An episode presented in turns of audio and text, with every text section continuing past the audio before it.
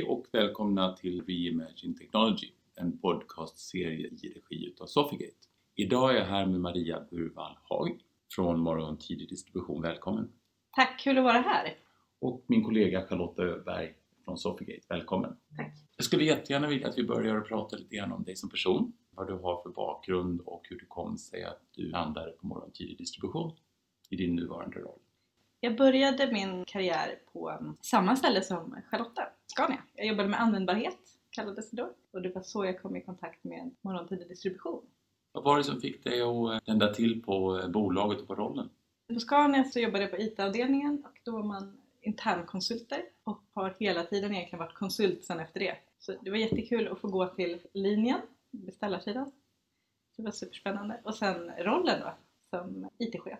Alla vet inte exakt vad morgontidig distribution gör, vad affärsmodellen är och nu har jag haft möjligheten att träffa dig tidigare så jag vet lite grann om det och jag tycker det är ett otroligt spännande bolag. Kanske också en ganska stor förändring just nu. Mm. Kan du inte berätta hur affärsmodellen ser ut historiskt och var ni är på väg någonstans? Är du snäll? Absolut. Morgontidig distribution startade som ett bolag för att ta fram IT-lösning och sälj åt morgontidningarna. Så det ägs egentligen av alla stora mediehus i Sverige. Så de ägde sin egen distribution och behövde IT-lösningar och även sälja in merförsäljning när de är ute med tidningsbuden. Så det vi gör i hela vår distributionskedja, vi är ett litet bolag men tillhandahåller nästan uppåt 8000 bud i hela Sverige. Så det vi gör är att vi levererar morgontidningen åt mediehusen, alla stora rikstitlar och alla lokala titlar i hela Sverige. Och sen så har vi lagt på magasin, veckotidningar och andra produkter när man ändå är ute. Och nu de sista åren då så har vi adderat e-handelsprodukter. Så att vi levererar e-handel direkt hem till brevlådan på natten. Och det var så jag kom i kontakt med, med bolaget. Jag har ingen erfarenhet av logistik som många som jobbar på morgontid distribution har. Så jag har egentligen bara e-handelsbakgrunden. När tar ni vid? När börjar ert ansvar? Jag antar att det slutar i brevlådan. Men var börjar ni någonstans? Vi börjar egentligen dels allting med packa tidningar, material som ska ut på natten. Sen lämnar vi vidare till, och även då, vi tar in e-handelsprodukter från e-handlarna, skannar om dem och fördelar ut dem i fjärrnätet. Så vi fördelar ut vart allting ska egentligen, i hela Sverige. Och sen så tar våra distributionsbolag vid och gör sista, sista leveransen då från terminalen längre ut då till direkt till brevlådan. Så kommer alla tidningar och e-handelsprodukter till någon typ av samlastningsterminal där de sen fördelas ut då vidare i landet dit de ska? Precis. Och idag har vi en samlastningscentral som ligger i Norsborg. Men vi är på väg att öppna upp flera i hela Sverige för att ha flera lastningsplatser. Dels för att vi växer, men också för att vara klimatsmartare. Så att om vi kan fördela om produkterna tidigare i kedjan så behöver inte allting åka upp till Norsborg och sen vidare utan, utan då kan det knoppas av i Malmö eller Göteborg eller där det passar.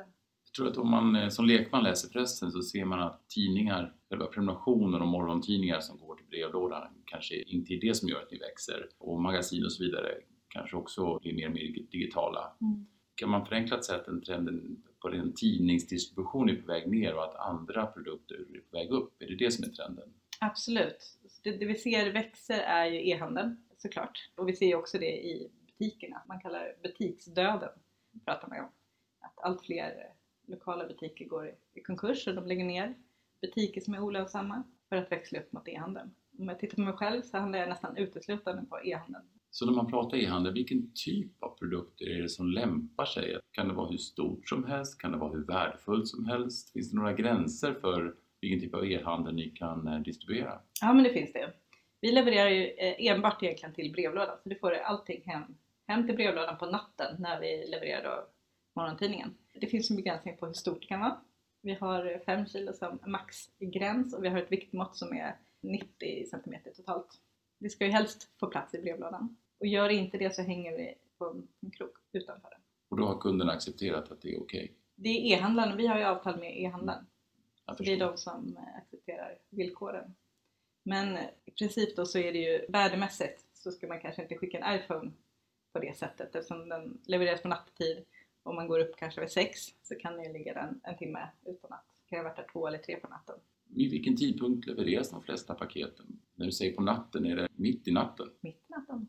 Mm. Deras budtiden börjar nästan någonstans där runt midnatt. Så när tidningen är färdig ger de sig ut. Vi försöker vara klara senast klockan sju på morgonen så att alla har fått sin morgontidning och sina paket.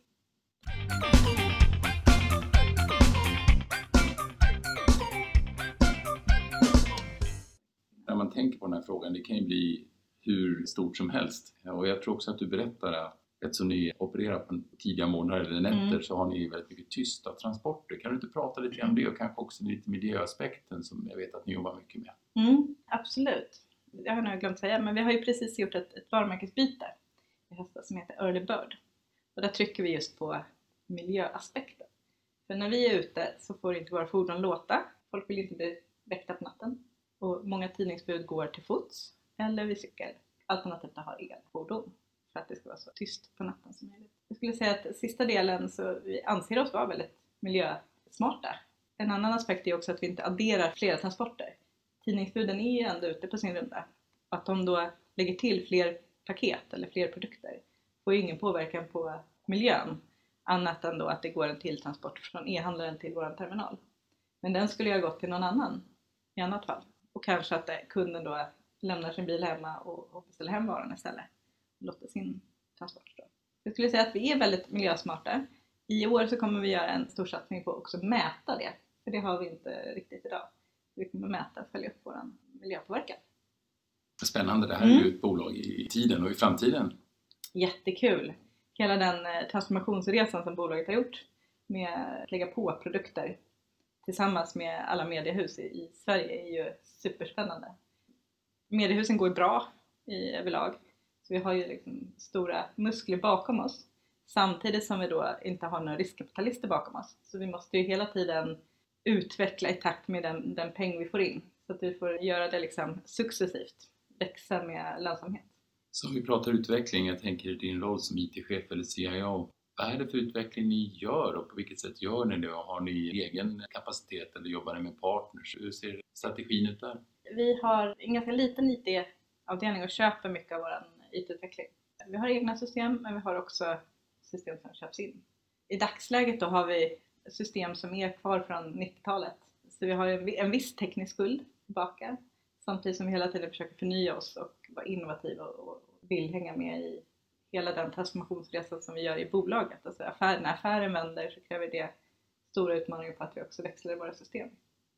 Att vi har alla möjligheter att kunna hantera paket, följa upp och kvalitetsmässigt få in alla aspekter som behövs i hela kedjan. Vad är det för system som är kvar från 90-talet? Av ren nyfikenhet måste du berätta mer om. För det är, det är ju en stund sedan. Det är jättemånga, det är 30 år sedan. Ja, precis. Och de har inte stått stilla sedan 90-talet. Så att de har ju utvecklats under hela tiden. Men det är klart att när systemet sattes upp då på, som ett IT-bolag, en del har ju inte förändrats i sin affär. Till exempel då morgontidningarna ser fortfarande kanske likadana ut som de gjorde på den tiden. Och vi har system som går mot återförsäljare. Vi har en ASV400 miljö bland annat. Så att vi har ett gammalt arv också samtidigt som vi då försöker jobba in allt nyutvecklat sker ju in, in, eh, utifrån vår, dagens strategi. Så vi försöker växla successivt. Hade man varit en startup så hade man ju byggt från dagens teknik. Nu måste vi ändå hela tiden utgå från vad har vi idag, förvaltningsbarheten, samtidigt som vi då vill växla i teknologin. Så vad är det för lite större initiativ du ser framför dig kanske 2020, 2021? Är det någonting som ni har på agendan som är viktigt för er? Absolut. Vi har ju utifrån att paketen växer och vi kommer växa, vi- ser en enorm tillväxtkurva, så är det automatiseringsprojekt som pågår där vi då ska kunna scanna allting automatiskt utan att behöva mänsklig, såklart att vi kommer behöva människor också, men, eh, men kunna få en bättre effektivitet i det flödet. Men också allt från hur vi mäter kvaliteten, uppföljning, att kunna vara proaktiva i när vi ser kvalitetsbrister och agera snabbt och sen även då kundservice. Att kunna ha en kundnära dialog med våra kunder på ett effektivt sätt och hjälpa dem så bra som möjligt. Så vi tittar på chatt och chatbots. Ni måste ha tillgång till otroligt mycket data. Mm. De här paketen och, och tidningarna passerar ju en mängd olika punkter. Hur jobbar ni med att samla in data och kanske någon typ av AI och machine learning? Och du pratar om chattbottar. Är det någonting som är lite för tidigt för er? Jag tänker på att ni förändras just nu. Eller har ni någonting sånt på plats? Och har du några läxor som du har lärt dig? Vi har ju väldigt mycket persondata och utifrån GDPR så ser vi en adress som en persondata. Och alla som någon gång har haft en tidning eller köpt ett paket via oss så har vi adresserna tillgängliga i våra adresssystem. Så utifrån GDPR-aspekten så är det väldigt mycket data att ta hänsyn till. Kring hur vi använder och nyttjar datat och blir smartare där så har vi inte kommit så långt till AI än. Men våra utbärningsbolag har Spider optimeringsmotorer som kan ta fram bästa sträckor och sådana saker. Det pågår arbete kring det. Och det är väl någonting som blir ännu hetare här framåt.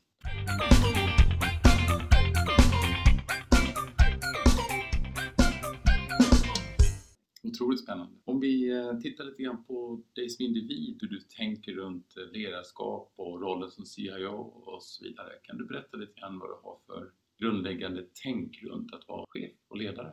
För mig är det viktigt att vara lyhörd, engagerad. Jag har ganska hög egen drivkraft så jag ser gärna också att jag vill få igång mina medarbetare, skapa engagemang hos dem. Och sen även då att, att få dem att växa och vilja jobba för det vi gör. För jag tycker det är superkul, den resan som vi är på väg. Jag tänker, ni är en ganska liten organisation säger du och ni står inför väldigt mycket transformation. Hur eh, tänker ni kring talent management och kompetens framåt inom de här nya teknikområdena? Än så länge så har vi inte så mycket utveckling själva. Vi köper ju mycket utveckling och konsultföretag då. Men jag ser att det hela tiden är relevant för oss inom bolaget att vidareutveckla oss med seminarium och konferenser och, och hänga med i trender. Så jag skulle säga att det är fokuset samtidigt som medarbetarna genomgår också en transformation. Från att vi har ju medarbetare som har jobbat länge med tidningar och fortfarande gör det. Det blir en, en transformationsresa för hela bolaget. Hur är kulturen kring det? Påverkas kulturen av den här transformationsresan? Ja, bra fråga. Jo men det tycker jag nog. Alla tycker det är superkul. Samtidigt som det är såklart en utmaning. Vi står för andra typer av utmaningar kanske idag än för tio år sedan. Det är klart att det är en utmaning att, att ta sig an. Men jag tycker hos oss är det väldigt positiv stämning och högt i tak och alla hjälps åt. Är det lätt att rekrytera till morgontidig distribution? Jag tänker, det du berättar idag, att det är en bransch i stor förändring, det finns ett miljöfokus, det växer. Hur ser du på den frågan runt rekrytering? Mm. Vad är pitchen? Bra! jag håller precis på att rekrytera nu så jag får väl se. Det är klart att bra människor växer inte på träd idag. Samtidigt så har vi många fördelar. Att få vara med en häftig transformationsresa. Att få, om man nu sitter, nu sitter vi mycket i Norsborg, så möjligheten till lokal, om man bosatte sig liksom på den sidan. Och sen är vi flexibla som arbetsgivare. För mig är det jätteviktigt som ledare. Jag själv har tre små barn. Tiden är inte alltid det man har mest av idag. Och det är hämtningar och lämningar. Så att tiden på, på arbetet, det gäller att vara väldigt flexibel i sitt arbete. Tiden jag lägger ner på arbetet är kanske inte alltid åtta timmar. Utan man får pussla där det finns tid. Så det är också, tycker jag, en viktig del i rekryteringen. Att kunna vara den flexibla arbetsgivaren, tillåta distansarbete och egentligen bara, bara jobbet blir gjort och, och lita på sina medarbetare de gör ett bra jobb. Jag har rekryterat en sedan jag började och det gick ju bra.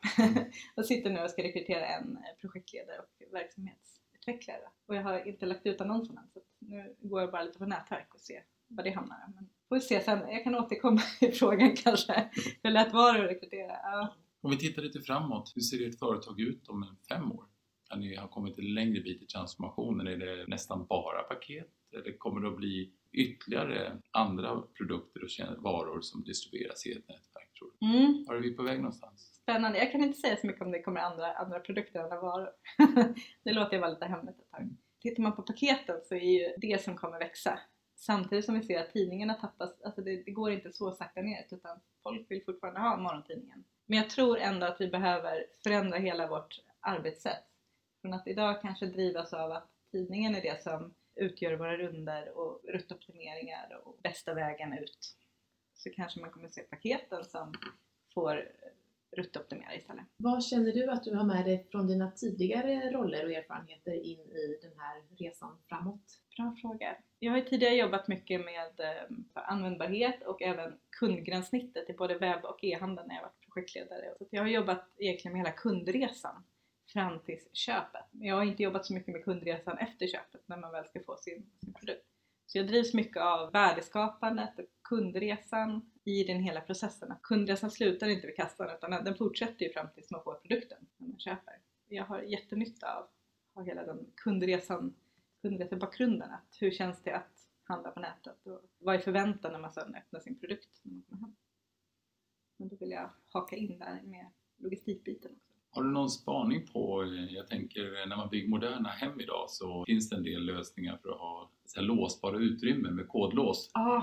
Är det någonting som ni eh, ser fram emot? För då öppnas ju helt eh, nya möjligheter för att distribuera lite andra saker, både av högre värde kanske men också Verkligen. utav lite större volym och även kylvaror och så vidare. Är det någonting ni tänker på? Vi har en del diskussioner så, men på något sätt så måste det drivas i hela Sverige och man skulle behöva någon form av register för att veta vilken typ av brevlåda har just du. Om jag visste att, att ni hade en, den här typen av brevlåda då skulle vi kunna leverera högre värde, större saker kanske och så vidare. Och det skulle ju vara fantastiskt om, jag, om vi kunde veta exakt vilken brevlåda har vilken kund. Idag finns inte det, men allt mer och mer börjar ju komma med paketlådor och sådana saker. Så att, eh, jag hoppas att det går framåt i den biten och att man också på något sätt kan, kan utläsa vilken typ av, kanske man som konsument kan klicka i någonstans att jag har en, den här typen av brevlådan.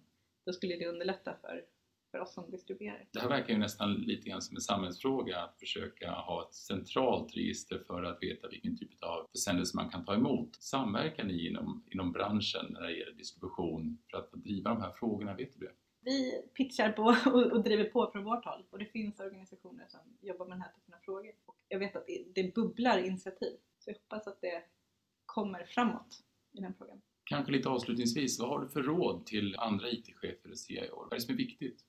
Jag känner nu, jag är fortfarande ganska grön i min IT-chefsroll. Jag har varit här i snart två år. Så jag suger in mig alla råd som jag sniffar upp på vägen. Jag har lyssnat på alla era poddar. Och sno idéerna, var det någon som sa. Det tycker jag är superbra.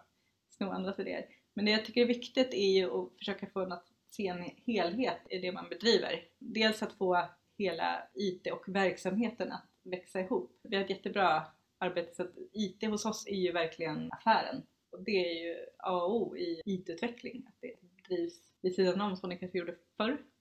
Utan att det verkligen är en del i, i hela affärsutvecklingen. Med hjälp av IT så kan man bedriva affärer. Så mitt råd där är ju att ha väldigt nära samarbete med affärsutvecklingsenheten så att man jobbar tillsammans mot samma mål och kan vara, komma på kloka, nya, smarta lösningar och idéer tillsammans. Kloka ord! Låna av andra och försöka jobba nära verksamheten. Ja, tack.